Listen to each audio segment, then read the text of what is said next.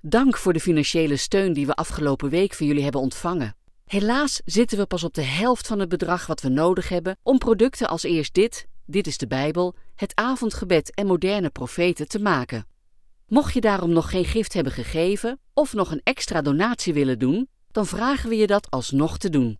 Ga naar het berichtencentrum in de Eerst Dit app of naar de website www.izb.nl en doneer daar gemakkelijk en snel aan de IZB via een tikkie. Overmaken kan natuurlijk ook. Het rekeningnummer vind je op de website. Alvast hartelijk dank. Eerst dit. De Bijbelpodcast van de Evangelische Omroep, IZB en NPO Radio 5, die je elke werkdag helpt ontdekken wat Jezus volgen voor jou betekent. Vandaag door Hanneke Auerkerk.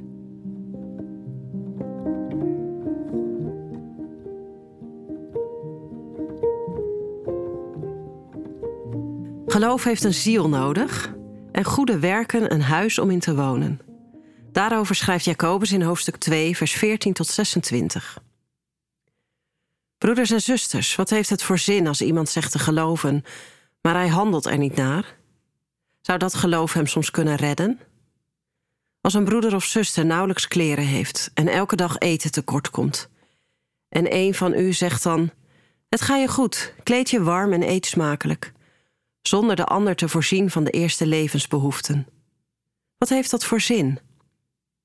Zo is het ook met geloof. Als het zich niet daadwerkelijk bewijst, is het dood. Maar iemand zou kunnen zeggen: de een gelooft, de ander doet. Laat mij maar eens zien dat je kunt geloven zonder daden. Ik zal u door mijn daden tonen dat ik geloof. U gelooft dat God de enige is? Daar doet u goed aan.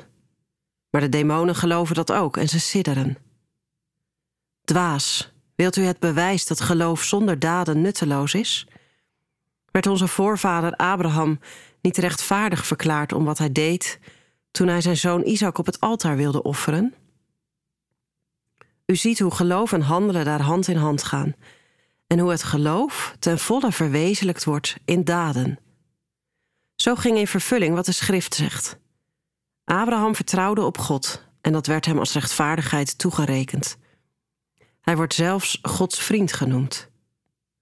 U ziet dus dat iemand rechtvaardig wordt verklaard om wat hij doet en niet alleen om zijn geloof. Werd niet ook Ragab, de hoer, rechtvaardig verklaard om wat ze deed, toen ze de verkenners ontving en langs een andere weg liet vertrekken? Zoals het lichaam dood is zonder geest, zo is ook geloof zonder daden dood.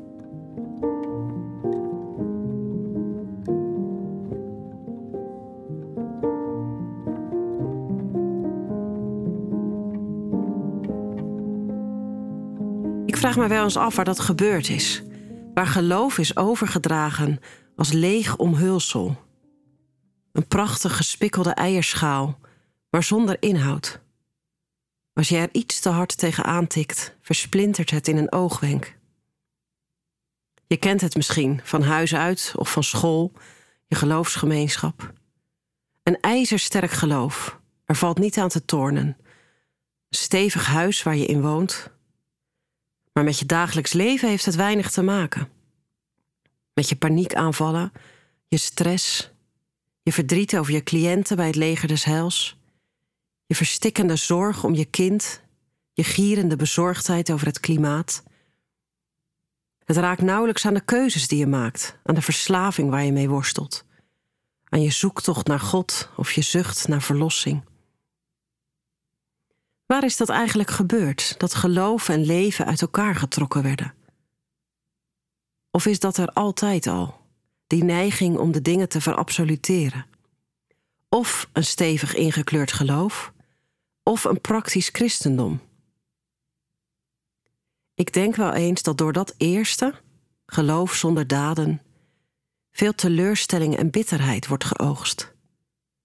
Er zit iets hards in, iets versteens je kunt je daar hevig aan bezeren. De verhalen ken je vast. Geloof heeft een ziel nodig. De geest van God moet erin geblazen worden, zodat wat geloofd wordt, ook geleefd wordt. En goede werken hebben een huis nodig, zodat wat gedaan wordt is ingebed in een perspectief, in de verwachting van Gods rijk van vrede en recht. Geloof en daden gaan hand in hand. Dat behoedt je aan de ene kant voor moralisme, dat overal weer de kop opsteekt, sterke meningen over hoe je moet leven, dwingende uitspraken over wat je zeker moet doen, in een preek net zo goed als op social media. Goede daden doe je niet omdat ze goed zijn, maar omdat je Jezus volgt op zijn weg. En het behoedt je aan de andere kant voor een stekelig geloof, waar geen beweging in zit, geen leven, geen geestkracht. Een doodgeloof, zegt Jacobus. Want wat je beleidenis waard is, dat blijkt vaak pas in het leven van alle dag. Jezus is Heer. Mijn leven is onder de macht gesteld van de Heer die mijn dagen en nachten telt. Wat betekent zo'n beleidenis wanneer het geen consequenties heeft voor hoe je leeft, wat voor mens je bent, bij wie je in de buurt wilt zijn? Geloof heeft een ziel nodig, de geest van God, die waait en aanvuurt en je aandacht richt. Goede werken hebben een huis nodig, om niet op zichzelf te staan als pronkstukken, maar ingebed te zijn in de verwachting van Gods rijk.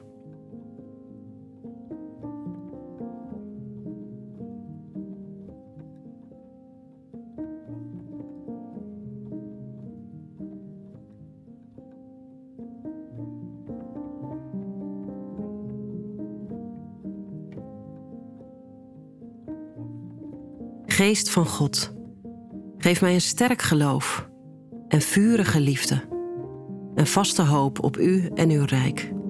Amen.